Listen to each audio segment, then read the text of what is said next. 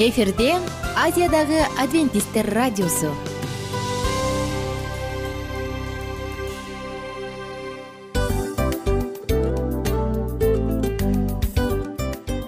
Достор салют. Баардык сүйүктүү угармандарыбызга салам айтабыз. Кутман күнүңүздөр менен. Ден соолук өмүрдүн булагы демекчи саламат саамы программасында баарыңыздарды көргөнүбүзгө абдан кубанычтабыз. Анда алгач амандашып өтөлү арбаңыздар деп. Ден соолугуңуздар кандай элибизде көбүнчө ден соолук кандай дегенде эле жакшы деп жооп беребиз э? ооруп турсак дагы жакшы дейбиз. Анан мен муну айтып ойлойт элем бул абдан сонун сөз депчи анткени бул жакшы деген үмүт да э ооба баары жакшы болот баары сонун. Деп үмүттөнүп атып эле өзүбүздү өзүбүз дарылап коебуз.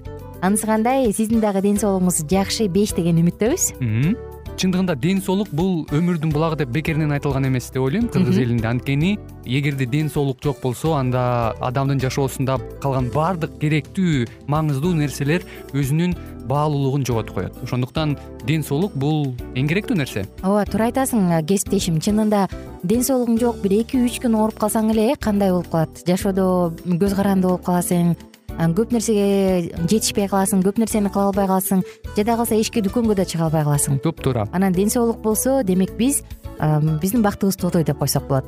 Анда достор саламат саамы рубрикабызды баштайлы. Алдыда өзүңүзгө керектүү болгон сонун кеңештерди уга аласыздар. Мына ошондуктан биз менен бирге болуңуздар. Ал эми биз болсо милан жана айнура. Кеттик алга. Алга саламат саама ден соолуктун жарчысы. Саламат саама ден соолуктун ачкычы. Күн сайын сиз үчүн мыкты кеңештер сонун жаңылыктар кызыктуу фактылар биздин рубрикада.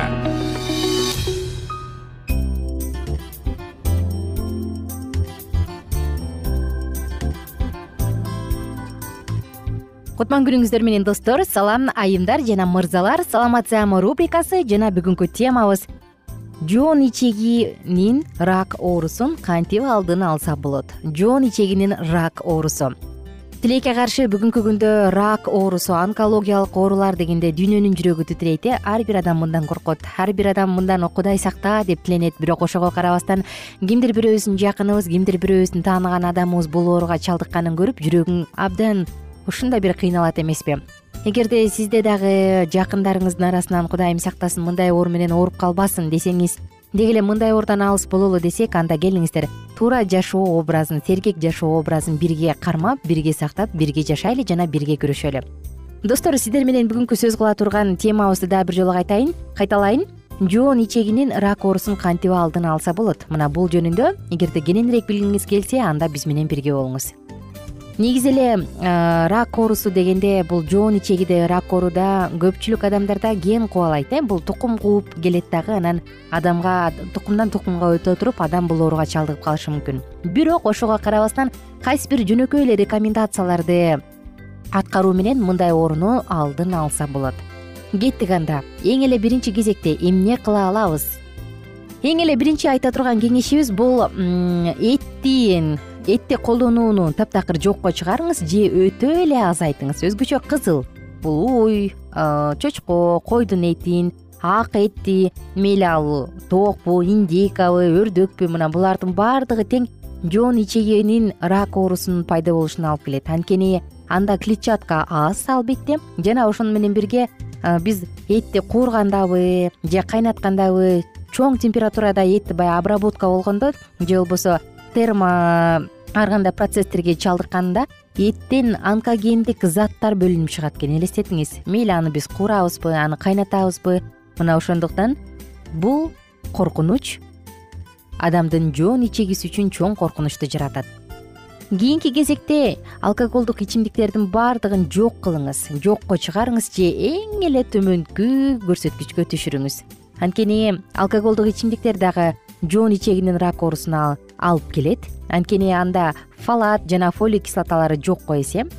Ал эми мындай фалат жана фолий кислоталары биздин баягы жалбырактуу жашылчаларда урукта бооп өсүмдүктөрүндө абдан көп. Ал эми алкоголдук ичимдиктерде булар жок жана алар организмде болгон мындай витаминдерди дагы жокко чыгарат. Ошондуктан колуңуздан келишинче жалбырактуу жашылчаларды жегенге аракет кылыңыз. Бул капустанын баардык түрү уруктарды жегенге аракет кылыңыз жана бооп өсүмдүктөрүн жеңиз үчүнчү биздин айта турган кеңешибиз. Жоон ичегинин рак оорусун кантип алдын алса болот дегенде майды колдонууну жокко чыгарыңыз демекчибиз. Эң эле төмөнкү көрсөткүчкө түшүрүңүз. Анткени биздин организмде биздин рациондо канчалык май көп боло турган болсо өзгөчө малдын майы. Демек бул жоон ичегиде рак оорусунун пайда болушуна алып келет. Ошондуктан достор бул нерседен алыс болгонго аракет кылыңыз. Өзгөчө түндүк каролинанын каролина университетинин изилдөөчүлөрү мындай дешкен. Алар бир сонун изилдөө жүргүзүшөт дагы анын натыйжасында мындай чечимге келип келишкен. Көрсө транс майларды канчалык көп колдонсок алар аденоматоздук полиптерди ошончолук көбүрөөк пайда кылат. Жоон ичегиде жана бул анын акырында рак оорусуна чалдыгуу коркунучун туудурат дешкен. Ошондуктан транс майларды иштеткен иштелген майларды транс майларды малдын майларын колдонууну колдон келишинче жокко чыгарыңыз. Дагы да бир жолу кайталай кетейин мурунку уктурууларда да айтканбыз клетчатканы көбүрөөк пайдаланыңыз. Клетчатка адамдын деги эле денесиндеги рак шишикчелерин же онкологиялык шишиктердин баардыгын алдын алганга жардам берет жана ошондой эле жоон ичегиде дагы. Ошондуктан клетчатканы көбүрөөк жеңиз. Жана клетчатка сууну өзүнө көбүрөөк кармап адамдын заңын объемдуу же болбосо көлөмдүүрөөк кылгандыктан жана анын ичеги карындан оңой чыгышына жардам бергендиктен колдон келишинче клетчатка жеңиз. Ал эми клетчатка эмнеде бар десеңиз дагы бир жолу эске сала кетейин мурунку уктурууда айтканбыз бул тамак аштарда деп айтканбыз. Мөмө жемиш жашылчаларда деген жана ошондой эле бүтүн дан азыктарында клетчатка көп деп айтканбыз. Кийинки айта турган кеңешибиз. Салмагыңызды көзөмөлдөңүз. Адамдын салмагы канчалык көп болсо канчалык семиз болсо анда инсулин гормону абдан көп иштелип чыгат. Демек бул адамдын жоон ичегиде рак оорусунун пайда болушуна алып келиши мүмкүн. Көбүрөөк кыймылдаңыз. Көбүрөөк кыймылдоо дагы жоон ичегинин рак оорусун алдын алганы абдан далилденген. Ошондуктан көп кыймыл адамдын канындагы инсулинди төмөндөткөндүктөн мындай нерсе дагы албетте бизге жардам берет. Эми сиздер менен кайрадан эле ушул деликаттуу бир аз болсо дагы жагымсыз угулган темага кайтайын. Заң жөнүндө э? Мисалы тамак жегенден кийин канчадан кийин заң чыгыш керек деп айтышыбыз мүмкүн. Жыйырмадан жыйырма төрт саат аралыгында чыкса бул идеалдуу деп саналат. Отуз саатка чейин чыкса бул мүмкүн болот десе болот. Кырк сегиз саат же эки күндөн кийин гана заң чыкса демек ичеги карындардын баардыгы бошоп калган. Эгерде жетимиш эки саатта же үч күн же андан да көп убакта заң чыкса демек ичеги карындардын баардыгын шлак басып калган дегенден билет. Эгерде заң жоон ичегиден бат эле өтүп кете турган болсо анда анын курамында суу бөлүнүп чыкпай калат дагы адамдын ичи өтөт. Тагыраак айтканда заң суюк болуп калат. Эгер тескерисинче ал абдан эле жай өтө турган болсо анда анын заңдын курамындагы баардык суу бөлүнүп чыгып кетет дагы ал катуу болуп калат. Демек муну ич каттыды деп айтып коет экенбиз. Эгерде заң жоон ичеги аркылуу өтө эле жай өтүп атса же түз ичеги аркылуу болобу өтө эле жай өтүп атса демек анын натыйжалары жаман жагымсыз натыйжага алып келиши мүмкүн. Организм өзүн өзү ууландырат дагыраак айтканда канга токсиндер бөлүнүп чыгат. Мында чирүү деген нерсе башталат. Мына уулануу процесси башталат. Ошондой эле жоон ичегинин рак оорусу пайда болушу мүмкүн. Жана ар кандай геморрой аналдык жаракат деген сыяктуу жагымсыз учурлар пайда боло баштайт. Эгерде сиздин заңыңыздын катышын каалабасаңыз туура өз убагында чыгышын кааласаңыз анда күнүнө тамактанаар алдында беш грамм активдешилген көмүртек ичип коюңуз. Бул активированный уголь деп коет эмеспизби э биз кадимки эле кара дарылар баардык аптекаларда сатылат. Ошондон беш грамм ичип коюңуз. Анан көбүрөөк артынан суу ичип коюңуз. Эки жүз элүү миллиграммгатай болгон. Анан бул болсо албетте сиздин заңыңыздын катыбай убагында жакшы чыгышына жардам берет достор мен болсо кааларым ар бир угарманыбыз. Оорубаңыздар бар болуңуздар жана бай болуңуздар демекчимин. Алдыңкы уктуруулардан амандашканча. Кененирээк маалыматтар үчүн үч w чекит саламат чекит клуб сайтына келип таанышыңыздар. Жана андан тышкары социалдык тармактарда youtube facebook жана instagram баракчаларына катталыңыз саламат саама ден соолуктун жарчысы. Саламат саама ден соолуктун ачкычы. Күн сайын сиз үчүн мыкты кеңештер сонун жаңылыктар кызыктуу фактылар биздин рубрикада.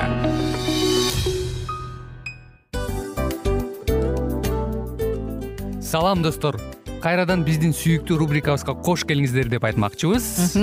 Баардык замандаштарыбызга арбаңыздар деп саламыбызды айтабыз. Улуу ушундай бир урматтаган учурашуу менен анан дил маек радио баракчабызга чакырабыз. Негизи дил маек биздин рубрикабызда эмне жөнүндө кеп кылабыз? Бул дил маектин мааниси эмнеде рубрикабыз менен кичине тааныштырып кетсеңиз. Сөзсүз түрдө тааныштыра кетейин. Кесиптешим суранычы боюнча бул учурда бул радио баракчада биз ар тарап кесип ээлеринен сонун кеңештерди алабыз сүйлөшөбүз сырдашабыз аталарыбыздын эжелерибиздин апаларыбыздын кеңештерин угабыз айтор жан дүйнөгө адамдын э, сапатына адамдын деги эле адам болуп жашашына керектүү баардык кеңештер алдыда.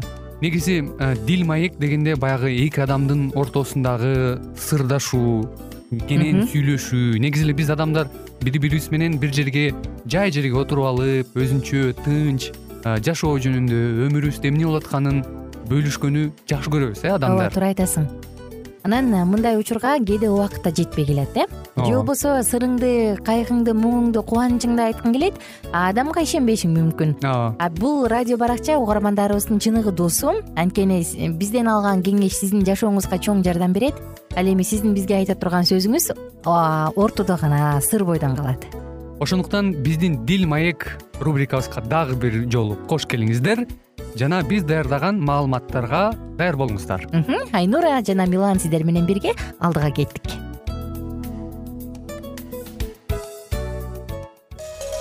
Ар түрдүү ардактуу кесип ээлеринен алтын сөздөр жүрөк ачышкан сыр чачышкан сонун маек дил маек рубрикасында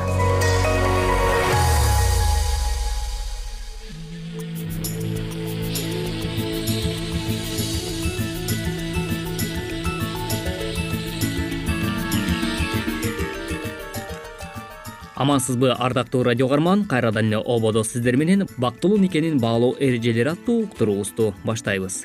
Бүгүнкү программабызда ардактуу радио каармандар деги эле жашоо турмушта үй бүлөлүк жаатта бактылуу болуу же болбосо бактысыз болуп калуунун бир нече кесепеттери туурасында сөз кылат экенбиз. Андыктан бул мүнөттөрдө биздин ободон алыстабай биз менен бирге болуңуз. Деги эле бактысыз жана бактылуу болуу деген э, суроонун айланасында ой жүгүртүүдө айрым бир айтып өткөн психологдордун кеңештери туурасында дагы маалыматтарды берип өтмөкчүбүз ал эми биздин бүгүнкү берүүбүз сиздер үчүн кызыктуу болот деген үмүт менен биргеликте кайрадан эле микрофондо кызматыңыздарда аты жөнүм улан кубанычбеков жана ошондой менин кесиптешим. Саламатсыңарбы жана мен асель мамбетова. Анда эмесе жалпыңыздарды биздин ободон алыстабаңыз деп чакыруу менен биргеликте алдыдагы бир нече кеңештерге чогуу биргеликте саякатка баралы. Чын эле мунун тегерегинде бүтпөгөн талкуу кылып көпкө чейин талкуулашууга болор эле. Бирок эки тарап тең макул болчу ушундай бир талашсыз учур бар экен эки тарапта тең стакандын жарымы суу толуп жарымы бош экенин моюндарына алышы керек. А бирок жалгыз жана бактысыз тараптарда турмушка чыгып бактысыз болгон тараптын да жеке жашоолору керемет жомок эместир.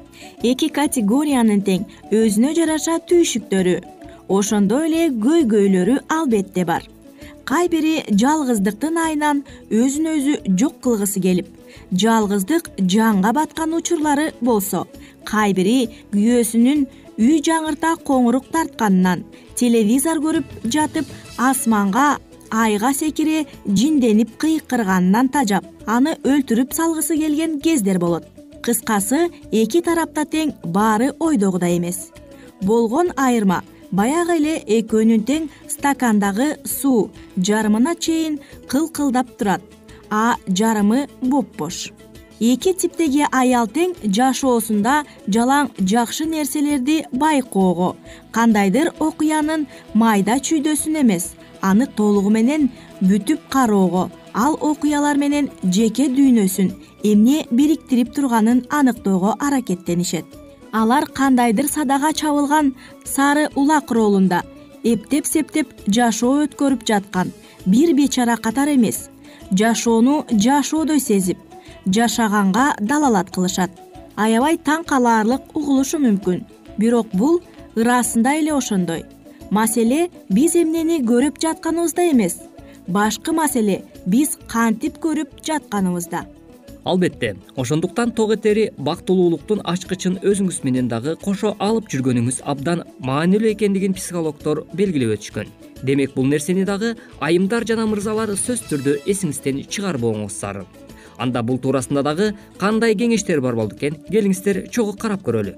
Турмушка чыккан аялбы же жалгыз бой аялбы кимиси болбосун өзүнүн бакыт ачкычын башка бир кишиге берип салуу жеткен акылсыздык кошуласызбы ушуга? Башка бирөөнүн бактысы үчүн дайыма ар күн бою ар күнү жоопкерчилик алуу бул ары татаал ары машакаттуу түйшүк. Жеке бакыт маселесине келгенде сиз өзүңүздүн жолдошуңузга же каны бир балдарыңызга ата энеңизге жакындарыңызга көз каранды болууга акыңыз жок анткени алардын ар бири дайыма эле сиз менен кошо басып кошо туруп сиз ойлонгонду дайыма сиздей болуп ойлонуп жүрө алышпайт да. Алар сизди туура түшүнүп сиздин ой менен болууга аракет кылышкан чакта деле акыры чыдамы түгөнөт. Эркектин милдети аялды бактылуу кылуу эмес. Анын түздөн түз милдети сиздин андан бетер он эсе жүз эсе бактылуулукка бөлөө балким маселени баары ушунда болуп жүрбөсүн. Ошондой эле урматтуу айымдар жана мырзалар бул туурасында дагы айрым эксперттер мындай деп айтышат экен. Мен ойлогон түкүндөй нерсе болгондо гана чындап бактылуу болом деген синдром менен ооруганыңыздын өзү туура эмес чыгар. Сиз такай өзүңүздү бактысыз сезе берсеңиз а бирок бир нерсени так билишиңиз дагы маанилүү. Жакындарым романтика жана мени курчап турган нерселер гана мени бактылуу кыла алат деген сокур сезимден бирото эле бошонгонуңуз абдан маанилүү. Демек мындай сезимдерден арылуу менен биргеликте бактысыз болуу сезиминен адатта арыласыз. Анткени сиз жападан жалгыз бирден бир эң уникалдуу инсан экениңизге шүгүрчүлүк келтиргениңиз оң. Демек сиз бул нерселерге эч ыраазы болбостон эле керемет сезимдерге чындап эле ээ болмоюнча эч ким эч нерсе сизди эч убакта бактылуу кыла албасын албетте түшүнгөнүңүз маанилүү. Ошондуктан сиз өзүңүздүн кур кыял сезимдериңизге эч убакта алданууга жол бербеңиз. Жогоруда айтылып өтүлгөн айрым бир психологдордун кеңештерин сөзсүз түрдө көңүлүңүзгө түйөсүз деген ойдобуз. Ошо менен биргеликте дагы практикалык жүзүндөгү азынаулык кеңештер менен дагы бөлүшүп өтмөкчүбүз. Андыктан биз менен бирге болуңуз. Келгиле эми эң бир жөнөкөй суроолорго жооп табууга аракет кылалы мен ак боз ат минип алкынган түгөйүм качан келээр экен? деп кезерип күтүүдөн чарчадым. Андыктан менин колумду сурап келген кандай гана тарап болбосун. Ага макул болууга даярмын. Анткени жалгыз жашап жалгыз бойдон кала берүүдөн корком. Эмне кылуу керек? Деген жаш кыздар арабызда аз эмес. Мындай сын аркоо ар бир жалгыз бой аял затынын көңүлүн өйүтүп келет. Жалгыз калуудан чочулап алдастап туш келген эле кишинин эле жары болуп кете берүүдөн алыс болуңуз. Күнөөгө батуу менен адептүүлүктүн чегин айырмалап иш кылбасаңыз сизге ылайыксыз эле бир адамдын бактысыз жары болуп калууңуз ыктымал. Урматтуу аялдар нике бул адамга берилген? Үй акча өмүр ден соолук сыяктуу эле материалдык сый ургалдардын бири. Ал сыйга татыктуу болуу үчүн аракеттенүү керек кандайдыр себеп болсо ошондон кийин гана ошого жараша аракет болот. Кымбаттуу радио каармандарыбыз бүгүнкү программабыздын чыгарылышында сиздер жубайлардын ортосундагы мамиледе. Бактысыз болуп калуу же болбосо бактылуулуктун бир нече сырлары туурасында айрым бир адистердин берген кеңештерине кулак сала алдыңыз.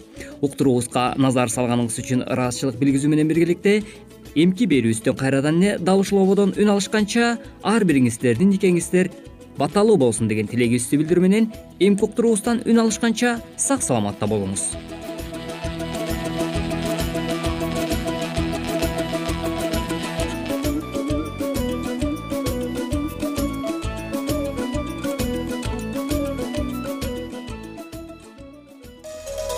ар түрдүү ардактуу кесип ээлеринен. Алтын сөздөр жүрөк ачышкан сыр чачышкан сонун маек. Дил маек рубрикасында.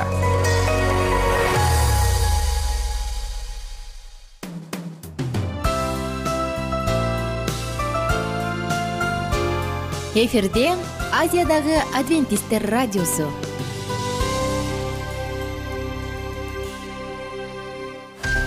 жан дүйнөңдү байыткан жүрөгүңдү азыктанткан жашооңо маңыз тартуулаган жан азык рубрикасы.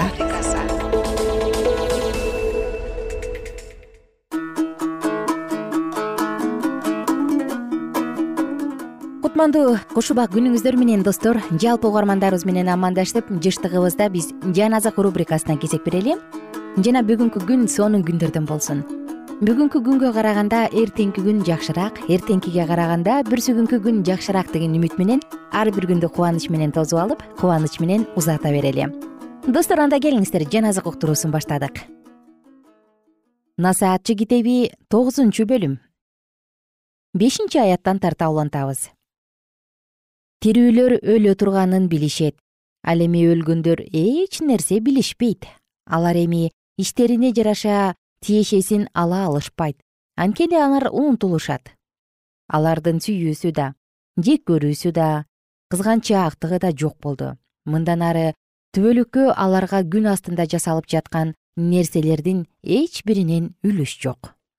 Ошондуктан кудай сенин иштериңе ийгилик берип турганда бар наныңды кубаныч менен же жүрөгүңдөгү кубаныч менен шарабыңды ич ар убакта кийимиң ак болсун башыңа сыйпалчу зайтын майы түгөнбөсүн түйшүктүү өмүрүң өткөнчө сүйгөн аялың менен жашоонун ыракатын көр. Кудай сага күн астындагы түйшүктүү өмүр үчүн берген жашоонун ыракатын көр. Анткени бул жашоодогу энчиң күн астында кылган эмгегиңдин үзүрү. Колуңдан келген иштерди алыңдын жетишинче жаса.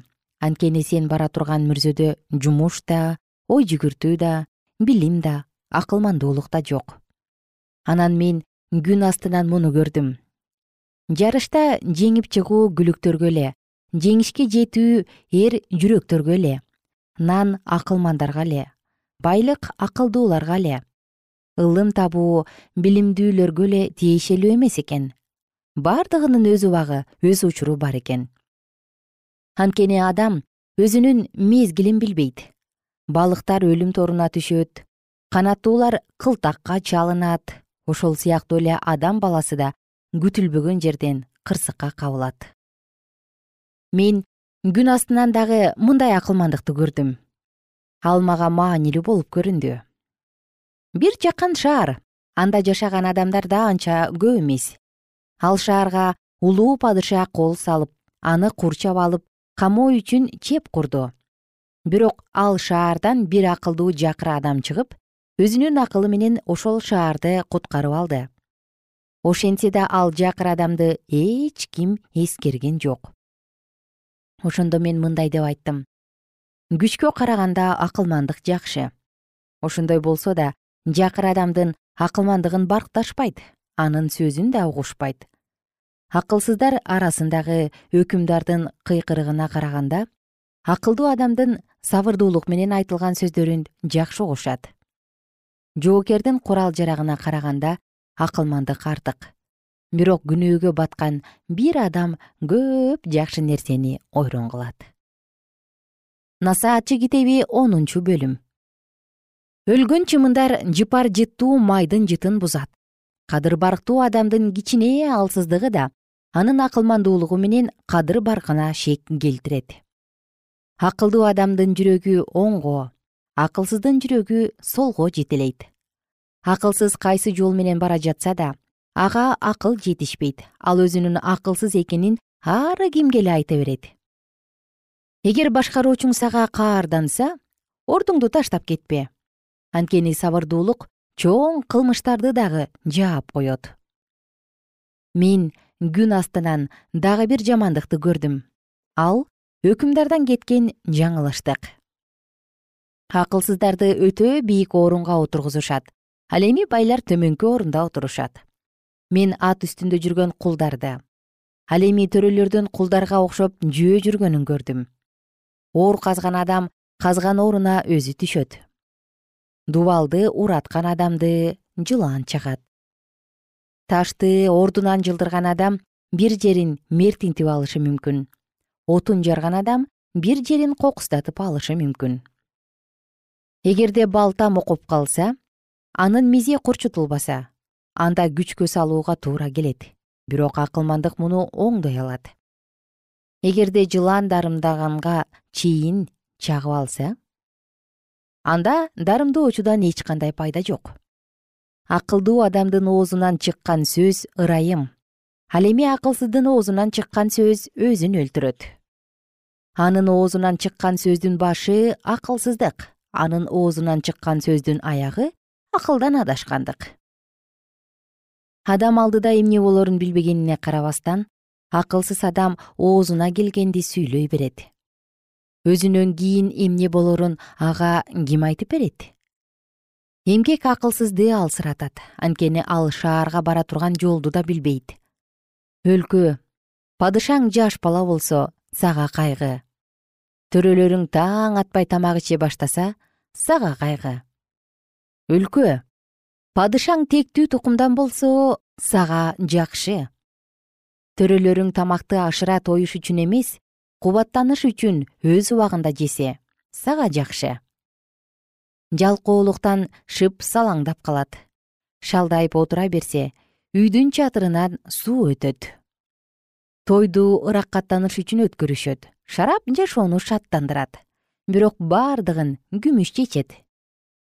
Падышаны оюңда да жамандаба байды уктоочу бөлмөңдө да жамандаба анткени асман куштары сөзүңдү жеткирип барышы мүмкүн. Канаттуу куштар сүйлөгөн сөзүңдү айтып барышы мүмкүн. Кымбаттуу достор ардактуу айымдар жана мырзалар жалпыңыздар менен бүгүн дагы биз насыатчы китебинен сонун сөздөрдү окуп өттүк.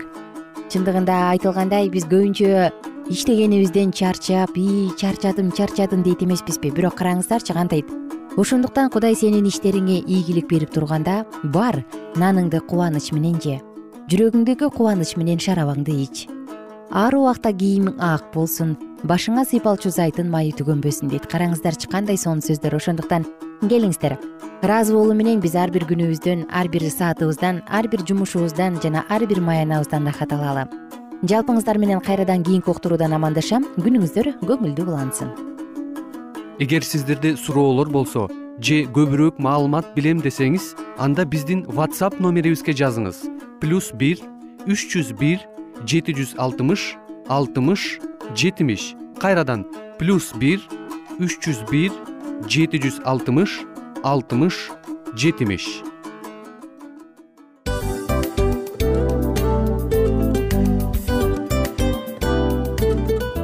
Мына ушинтип убакыт дагы тез өтүп кетет экен. Биз дагы радио уктуруубуздун аягына келип жеттик келип кубандырдыңар эми кетип кубандыргыла деп тамашалап калышат эмеспи? Анысы кандай? Радио баракчабызды программабызды азыр эле баштап аткандай болдук элек. Мына соңуна келдик э? Негизи убакыт э, билинбей өтүп кетет экен? Мен дагы убакыт дегенде бүгүн бир адам менен сүйлөшүп калдым. Анан убакыт бул мүмкүнчүлүк деп айтып өзүмө өзүм айтып алып анан мага өзүмө эле кайра ачылыш болду да чын эле э Э, карап отурсаң ошол эле жыйырма төрт саат ошол эле жарым саат кайталанып атат. Бирок сендеги мүмкүнчүлүк жок ошол кой берилип кетти? Анысы кандай? Бүгүнкү сонун убактыңызды алтындай болгон жарым саатыңызды бизге бөлүп арнаганыңыз үчүн ыраазычылык айтабыз.